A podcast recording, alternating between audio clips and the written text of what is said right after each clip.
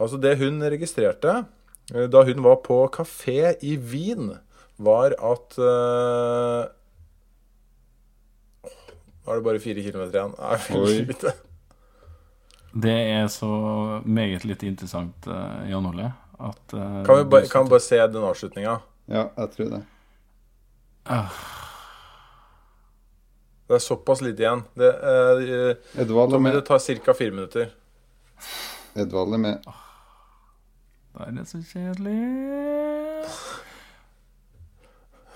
Det er intromateriale, i hvert fall. ja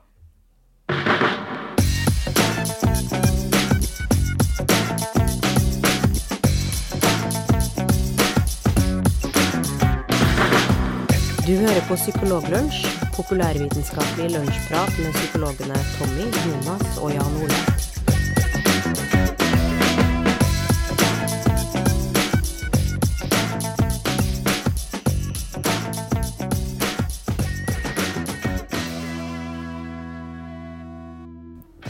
God dag, godtfolk, og velkommen tilbake til en ny episode av Psykologlunsj. Vi er tre psykologer. Det er meg, Tommy, og så har vi Jan Ole og doktor Våg. Eh, som er tre psykologer som eh, av og til ønsker å bidra med noe populærvitenskapelig snadder fra psykologien eh, til dere lytterne. Og i dag Jeg kommer ikke over at Jonas er, uh, har blitt doktor og tituleres som doktor Våg. Han er Det doktor er, Våg nå. det er så ukomfortabelt Det er Veldig at han som var men, eh, nederst på rangstigen, nå er øverst. Sånn har verden blitt. Så det, det, det må vi bare le med. Eh, har du noe å tilføye, doktor Våg?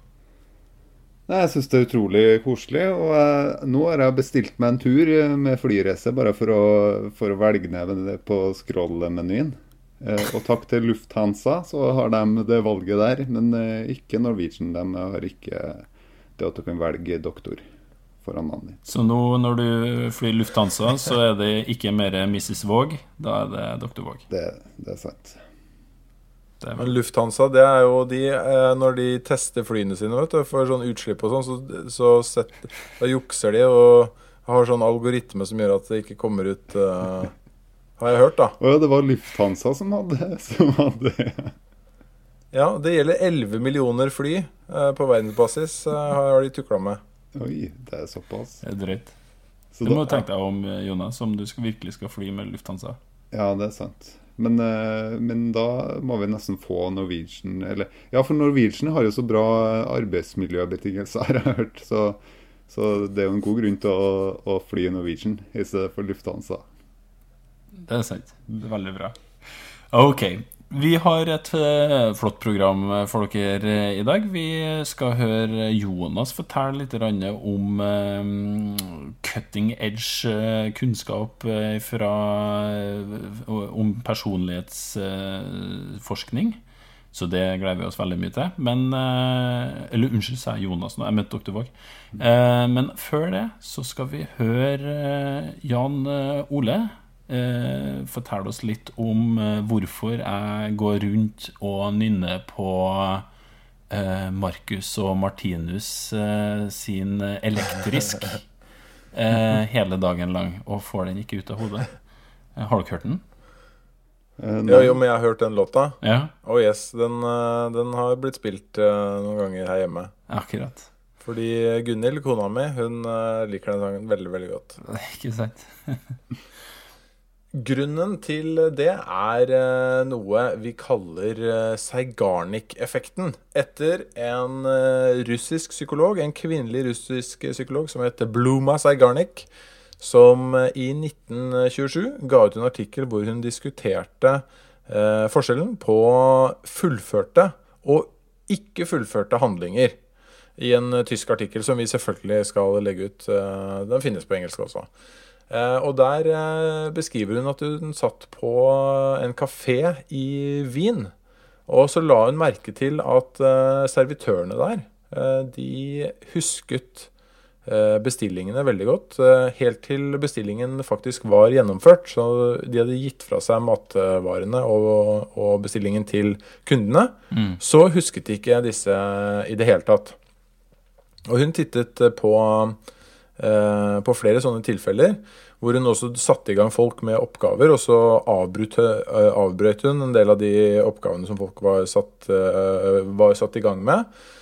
Eh, og så sjekket hun etterpå hvor godt eh, folk husket hva de hadde vært gjennom. Og da viste det seg at de oppgavene som ble avbrutt, eh, de var eh, folk over dobbelt så sannsynlig at de husket eh, at de hadde jobbet med disse oppgavene. Husket detaljer ved disse oppgavene. Så denne Zeigarnik-effekten er at vi husker veldig mye bedre det som eh, vi setter i gang, men som vi avslutter før det er fullført. Eh, og det har det gjort en god del eh, studier på senere også. hvor, man, hvor man har satt i gang øvelser. Og folk har valgt, selv om de har blitt avbrutt og fått beskjed om at nå kan dere avslutte, dere trenger ikke holde på med denne oppgaven mer, så har folk valgt å fortsette å jobbe med de oppgavene som de ikke har blitt ferdig med. Så er det noen som har ment at uh, dette handler om at hjernen vår liker å fullføre handlinger uh, som er satt i gang. Og det har, er nok uh, noe som resonnerer for, for min del, da, fall at ting som jeg skulle ha gjort eller burde ha gjort, er liksom sånn som Det lurer litt sånn i bakhodet mitt hele tiden. Jeg har for eh, for eksempel er det noen sånne områder på huset som jeg, som jeg egentlig burde ha gått over med, med maling. Eh, det er noen sånne utvalgte områder som jeg ikke malte tre strøk på eh, da jeg skulle male huset, og som, som utvilsomt trenger det tredje strøket. Og det har eh, Sånn har det vært eh, i eh, seks eh, år nå. Og jeg, jeg tror kanskje jeg kommer på det sånn ca. én gang i uka. At jeg, at jeg burde, burde ha gjort det. Eh, og noen da eh, har koblet dette, eh, dette fenomenet til det å få sanger på hjernen. Eh, og da det er, det er en del problemer med denne hypotesen, da, eller denne teorien, men eh, jeg liker den litt eh, likevel. Og det er at sanger som vi eh, får på hjernen, er ofte sanger som er eh, veldig korte av seg, og som er repetitive. eh, som føles som de ikke er eh, avsluttet. Og så er det også sånn at eh, hvilke sanger er det vi får på hjernen? Er det eh, verdens beste låter? Eh, eller er det låter som vi irriterer oss litt over? Og da vil jeg påstå at antageligvis så er det låter som du irriterer deg litt over, og som kanskje er de låtene som du skrur av eh, når du hører de på radioen. Du bytter kanal, Eh, liksom. og, og det er Hvis vi tenker på denne Zeigarnik-effekten, så er jo det da døden, ikke sant? Du, du stopper en låt midt i, men hjernen din vil veldig gjerne fullføre den. Så, så den fortsetter å nynne på denne låten. Så et tips neste gang du hører en Céline Dion-låt på radioen, eh, og du får lyst til å brekke deg og skru av den låta så fort som overhodet mulig, så la den gå. Veldig, veldig viktig at du lar den eh, få fullføre, sånn at du kanskje slipper å, å nynne på Titanic-låter eh, resten av dagen. Interessant. Er det litt sånn eh, at eh, egentlig så Det er litt sånn à la eksponeringsterapi? At egentlig så bør du stå ut hele den vonde opplevelsen eh, til den liksom får lagt seg, i stedet for at den liksom dukker opp som sånn type flashback eh, senere med at du avbryter den altfor tidlig. Ikke sant? Det, det kan jo kanskje linkes til det. En annen ting som det er, som det er kobla til litt mer sånn eh, popkulturelt, er jo eh, måten man har en tendens til å avslutte TV-serier på. Det er alltid med en sånn eh, cliffhanger midt i et eh, sånn veldig, eh, veldig viktig eh, punkt i historiefortellingen. Eh, skjer noe veldig dramatisk, og så får du ikke vite slutten på eh, dette veldig dramatiske. Eh, og det er, jo, det er jo Der er jo den effekten helt eh, klar. Altså Vi husker sånne type Sant? avbrudd husker vi mye bedre enn eh, avbrudd som kommer etter at vi føler at historien er ferdig fortalt. Eh. Så det er et, eh, et kjent eh, og godt triks. Ja, for vi husker jo mye bedre enn de filmene som avbry eh, avbrytes med et sånt eh, dramatisk eh, eh, sluttpunkt enn de filmene på TV Norge som har sånn tekst etterpå. Eh, Ken ble gift med Mary, eh, 49, og lever nå i Wisconsin eh, med sin eh, bomullsfarm. Og jeg vet ikke, eh, fins det bomullsfarmer i Wisconsin? jeg vet ikke, jeg, Jonas. Den, jeg har i hvert fall ikke sett akkurat den Nei, filmen det- der. Det er- For de går jo i glemmeboka. Og det må jo være fordi at, eh, fordi at det, det kommer sånn eh, resymé på slutten, så at alt legger seg, liksom. Så Ja. slipp den der Hva Ja, skjedde med Ken? skal- Hva skjedde med Ken? Hvorfor, eh, hvorfor ble, ble det noe sånn? Ble han sammen med hun Betty? Ja. Og, og det er derfor at alle sammen uh, synes at alle de her David Lynch-filmene er så bra. Fordi at eh, de gir jo ingen mening og stopper jo opp uh, plottene uh, midt i hele tida. Og det er alt sånn at det bare er fullstendig kaos på slutten, og du ikke skjønner noen ting. Jo Alt som går rundt Oh, og yes. grunner på de lang tid etterpå. Ja. Men for å ta det litt sånn eh, helt på den eh, seriøse siden, så, eh, så er jo et tips som en del eh, har knytta til det her, er at eh, man bør eh, Man bør sette i gang med oppgaver som man er litt sånn dere utsetter. Så i utgangspunktet utsetter. og Bare sette det i gang tidligere, og begynne gjerne med en enkel del av den oppgaven. Hvis du skal studere f.eks., og du skal begynne å lese til en eksamen, så eller gjøre noen oppgaver for å trene deg på å bli bedre, så begynn med det ganske tidlig, fordi da vil du få sånn automatisk eh, litt motivasjon av det. Altså hjernen din vil liksom ha et ønske om å fullføre de påbegynte oppgavene, så får du kanskje det er et lite sånn en kickstart, da. Eh, også i tillegg så Dette er et fenomen som jeg tenkte på da jeg leste om den effekten her. Det er Altså, har man opplevd det, det regner jeg med at dere har opplevd, at man tenker at man har en veldig god idé, eller at det er noe åh, dette må jeg, dette må jeg huske, dette er veldig, føles veldig viktig. Og så øh, skriver du det ned, for så aldri røre det noensinne igjen. Altså, jeg har Evernote. Evernoten Evernoten min er full av sånne ideer og tanker som jeg øh, synes er sånn helt supergeniale. Og så, og så kverner de liksom i hodet. Må ikke glemme det, må ikke glemme det. Og så skriver du det ned, og så vips, så er det borte for alltid. Det er sånn som den uh, ideen jeg og du hadde for, uh, for seks år siden Jan Ole, om å lage podkast om psykologi. Ja, Og så laga vi en pilotepisode, og så, og så bare ble det bare da ble den borte, ja. ble den borte. ja. Den håper jeg er borte, den pilotepisoden.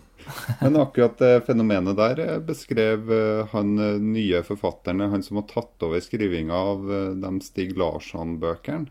Millennium-triologien og sånn på Skavlan nå på fredagen.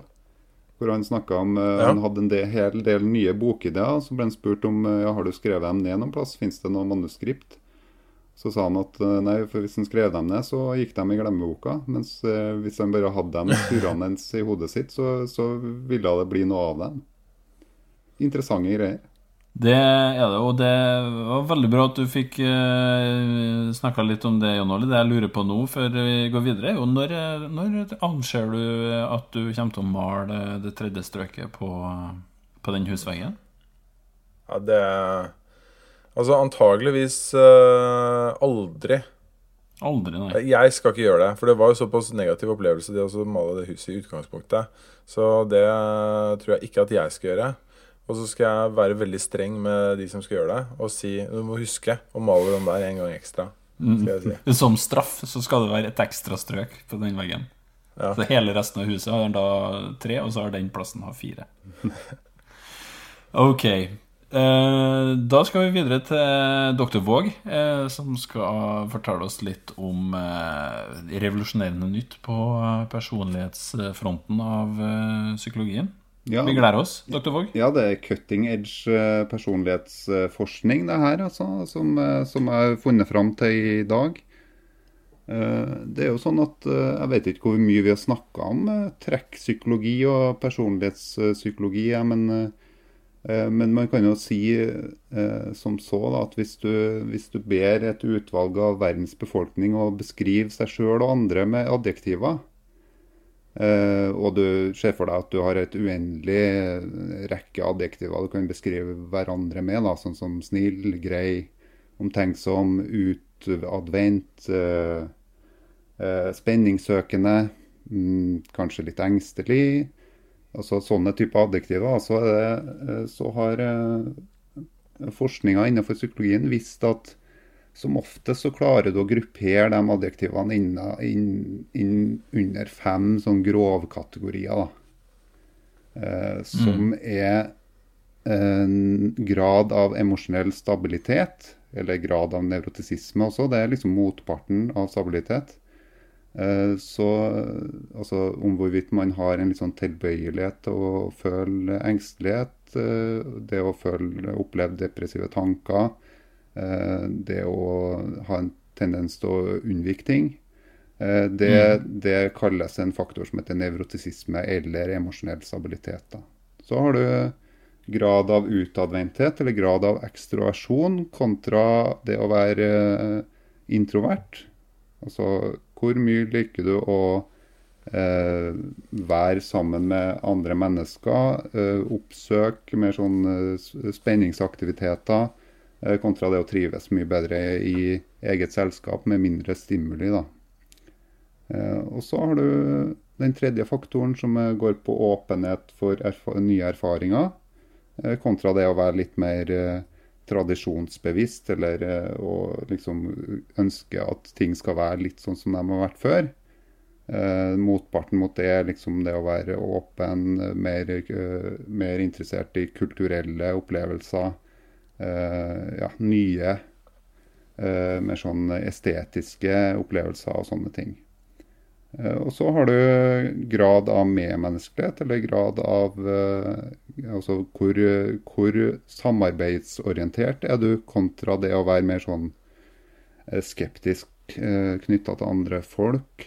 Litt mer sånn konkurranseorientert.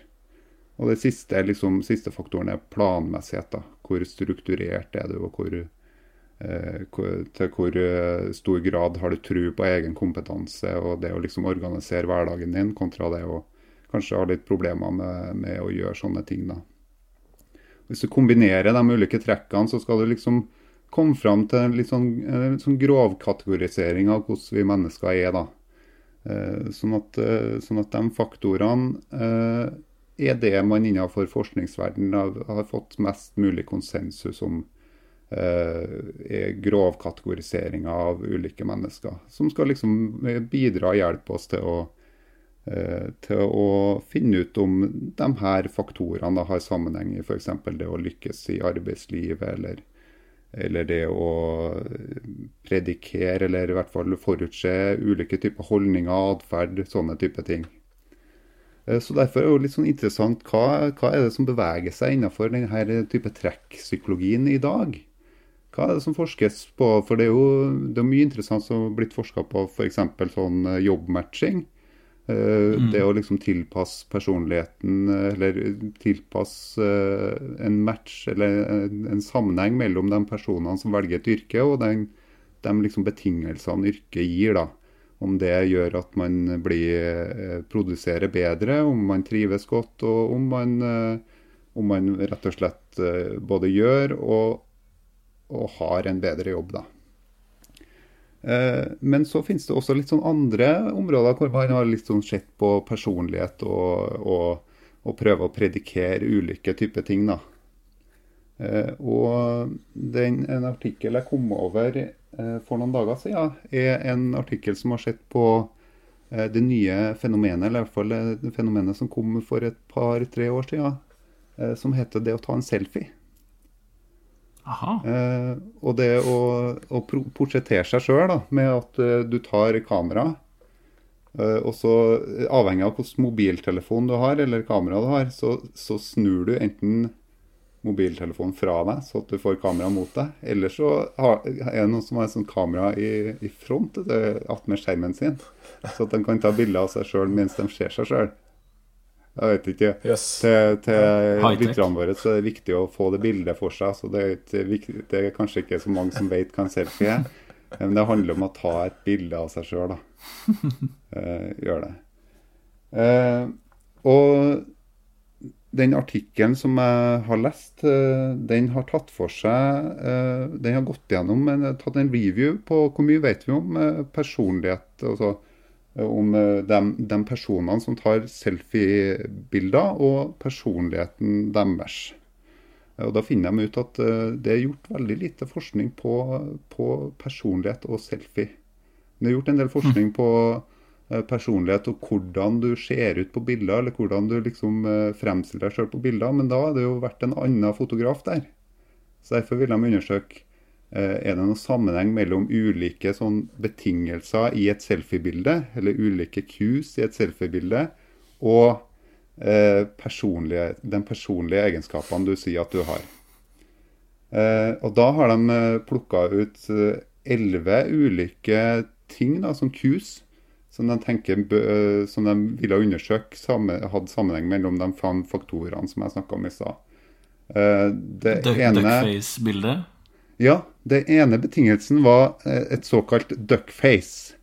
Eh, og dere som kanskje har sett eh, eh, tegnefilmer med bl.a. Daffy Duck, og, og, kanskje også sett eh, Dolly Duck på, på, i Donald Duck, og kanskje Donald Duck også, eh, så er et såkalt duckface at du lager en, en form for trutmunn, så at du får litt mer sånn fyldige lepper. Det er det, som, eh, det de undersøkte. Og da, da, da eh, tok de og personlighetstesta eh, 123 personer som hadde en profil på et nettsted som het Sina Weibo. Som er faktisk den kinesiske versjonen av Twitter. Akkurat. Eh, det er jo noen svakheter med det studiet her. Eh, de, de, de tok et randomisert utvalg på 50 000 inviterte fra, den, fra det nettstedet som har over to millioner eh, brukere. og det er, jo, det er jo kjempebra. Fem, også det å randomisere og, og, Eller, nei, ta, beklager. De, tog, de henta ut et tilfeldig utvalg. Det å hente ut et tilfeldig utvalg er jo, er jo bra. Eh, men det var, 100, det var 505 som svarte på den på den undersøkelsen blant de 50 000. Da. Og det, det var litt kjedelig. uh, og blant dem kan, kan, jeg ha noe, kan jeg lure, Har du undersøkt hvilke personlighetstrekk det er på de som da valgte å svare ja på den undersøkelsen? Nei, det fikk de jo til, for det sier de ikke svarte på Så, så det, det, var, det, var, kjedelig. Men de, uh, blant de 505 så var det 123 som hadde et såkalt uh, selfie-bilde, hvor du tar et bilde av deg sjøl. Uh, og der uh, var det en del ting som predikerte hvorvidt du hadde selfiebilde. Uh, Blant annet at du, var, at du var ung, og at du var dame. Så, men Eller det hadde sammenheng med det, da. Så, mm. så Men det var også menn og i alle aldre blant de 123. Så eh, de tok de 123, da, personlighetstesta dem, og så så de eh, på sammenhengen mellom, eh, mellom personlighet og de ulike typer betingelser. Og da Duckface eh, Der fant de ut at det var en sammenheng mellom det å portrettere seg med et eh, såkalt duckface da, og, og kjønn. Jeg vet ikke om det er, om det er overraskende, men uh, kvinner hadde større uh, tilbøyelighet for å portrettere seg med et uh, duckface på Sina wave. Mm. Mm. I tillegg så, så de òg at det var en sammenheng mellom grad av tilbøyelighet og, og kjenne på angst og depresjon, og det å portrettere seg med et såkalt duckface. da. Så i hvert fall sånn når det når, man, eh, når de rapporterte sjøl, altså den egne personlighetsbeskrivelsen, så hadde det en sammenheng med, med den faktoren som heter nevrotisisme. Eh, de som hadde en tilbøyelighet til å portrettere seg med, med, sånn, med, smil, eller eh, det å, liksom, å, å være blid på bildet, det hadde også en sammenheng med kjønn. altså eh, Damer hadde til, i større grad en tilbøyelighet til å liksom smile på bildet enn det menn gjorde.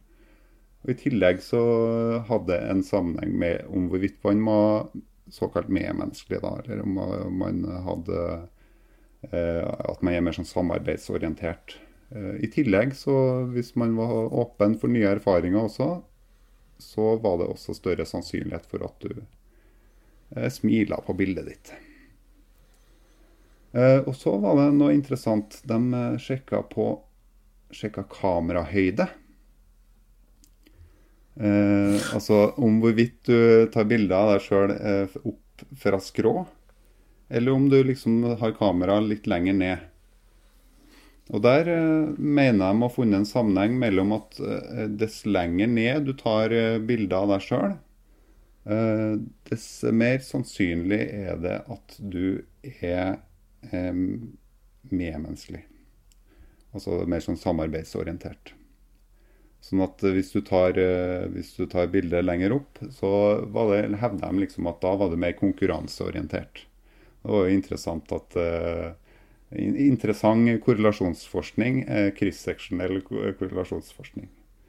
Eh, I tillegg så, så så de også på eh, om hvorvidt du portretterte deg med kropp eller ikke. Altså at, eh, at du hadde med, eh, hadde med deg sjøl fra livet opp eller ikke. Eh, Og der viste det seg at eh, menn var mer tilbøyelig til å vise fram kroppen sin i tillegg til ansiktet sitt enn det kvinner var. Men der var det ikke noe, eh, ikke noen sånn type personlighetstrekk som hadde noen sammenheng med det. da.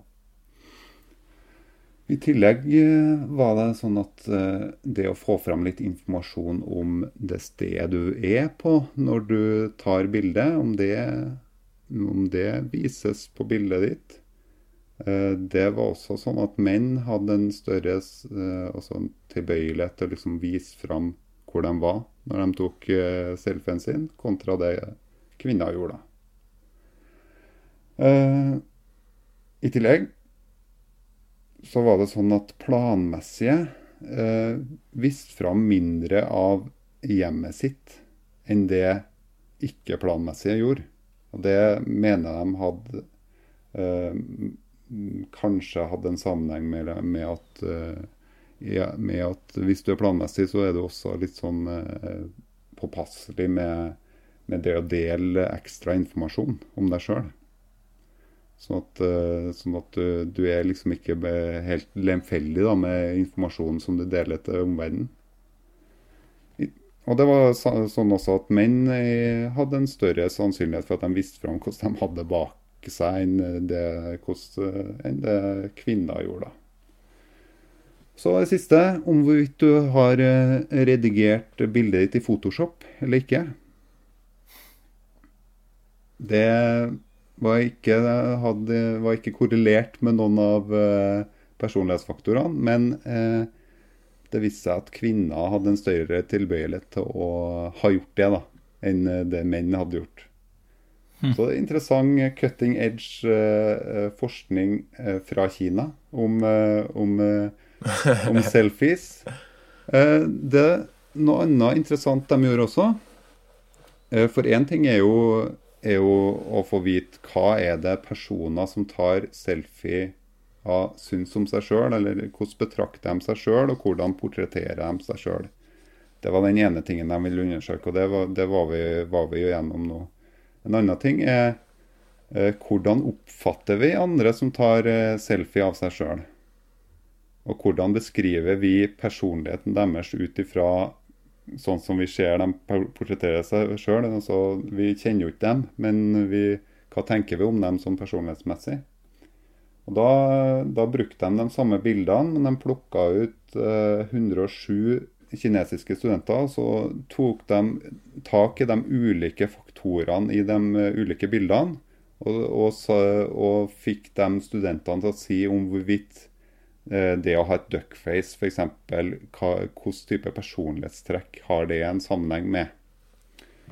Eh, og da var det sånn at eh, eh, kinesiske studenter de eh, tenkte at eh, hvis de så et bilde eh, med duckface, så eh, tenkte de at personen var mindre planmessig eh, og mer nevrotisk. Eh, Hvis et, eh, en person smiler på et bilde, så tenkte, eh, tenkte studentene at, at den som tok selfien, var mer utadvendt. At den var mer medmenneskelig.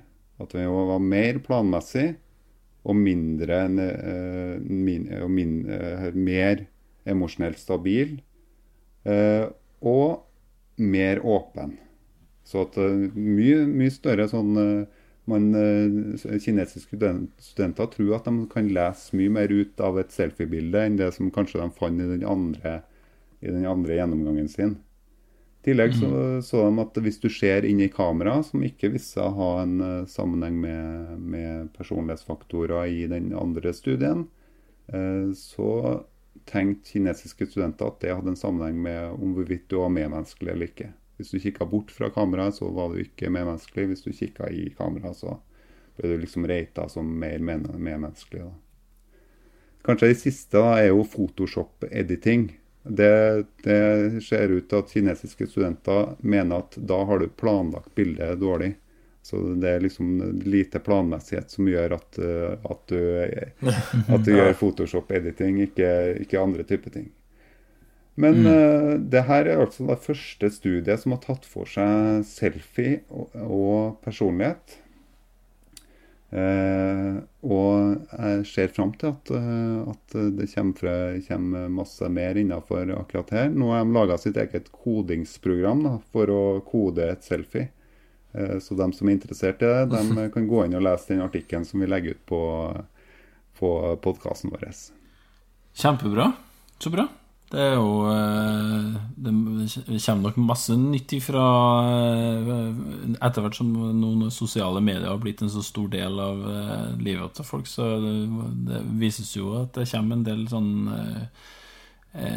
studier ut ifra Facebook-atferd og alt mulig sånt. Så det er jo klart at det, det må gå an å si noe om menneskelig atferd og menneskelige trekk ut ifra vår atferd på nettet også, ikke bare i virkelig liv. Det er bra.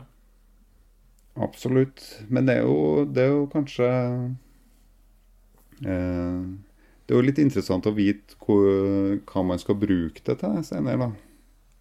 Det er jo, det, men det er jo kanskje det er jo, altså, Kanskje det mest spennende med, med, studiet her er jo litt uh, hvilken type personlighetstrekk tilegner vi et bilde også.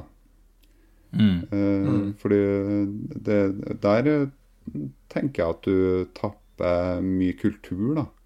At, uh, at du liksom mm.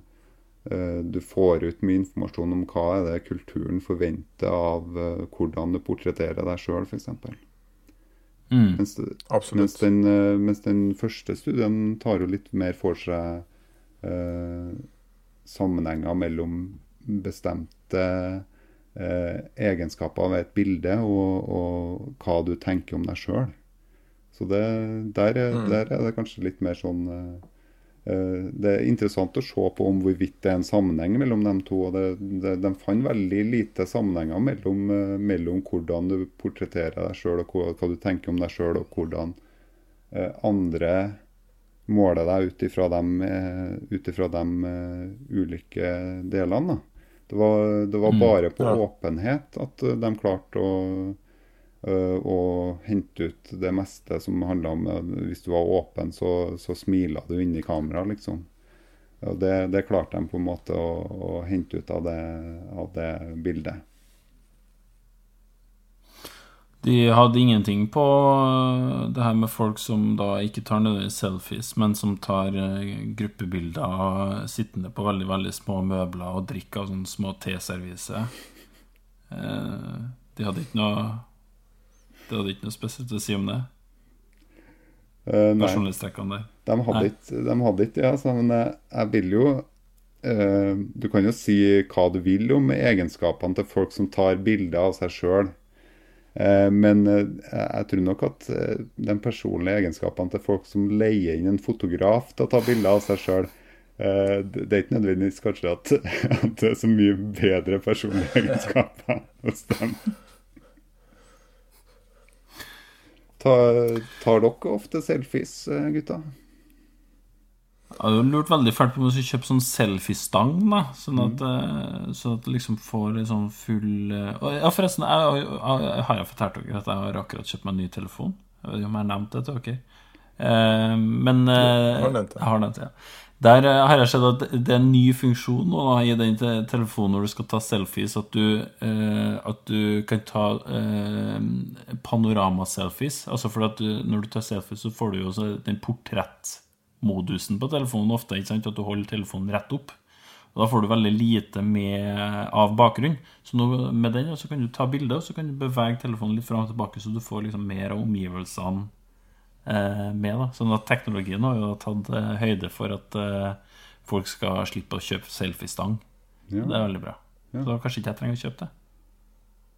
Smart, Men, smart, men smart. eh, jeg lurer jo på om eh, etter hvert så vil, vil jo eh, vil jo den kunstige intelligensen og, og mm, altså robotteknologien bli så bra at du kan- få montert altså at Kappa av armen din, og så får du satt på en sånn, eh, en sånn robotarm eh, som har integrert selfie-funksjon. Sånn at, liksom, at den liksom forlenges til det dobbelte. Sånn at mobilen Ja. bare kan ta bilder av det. Det, det tror jeg jo det, altså Teknologien har jo kommet så langt at det vil jo komme på plass eh, ganske snart, tror jeg. Det, det, Nå freestyler vi igjen. Det, Det gjør vi, sant. det er sant. Nei, men Det da blør det ut av eh, ørene til lytterne. Det er bra. Jan Ole passer på oss. Det er veldig, veldig bra. Eh, tusen takk til mm, doktor Våg og eh, oppdatert forskning på selfie, eh, selfie og personlighet. Veldig bra. Eh, og eh, med det så takker vi for i dag, og vi høres om en par ukers tid. Takk for nå.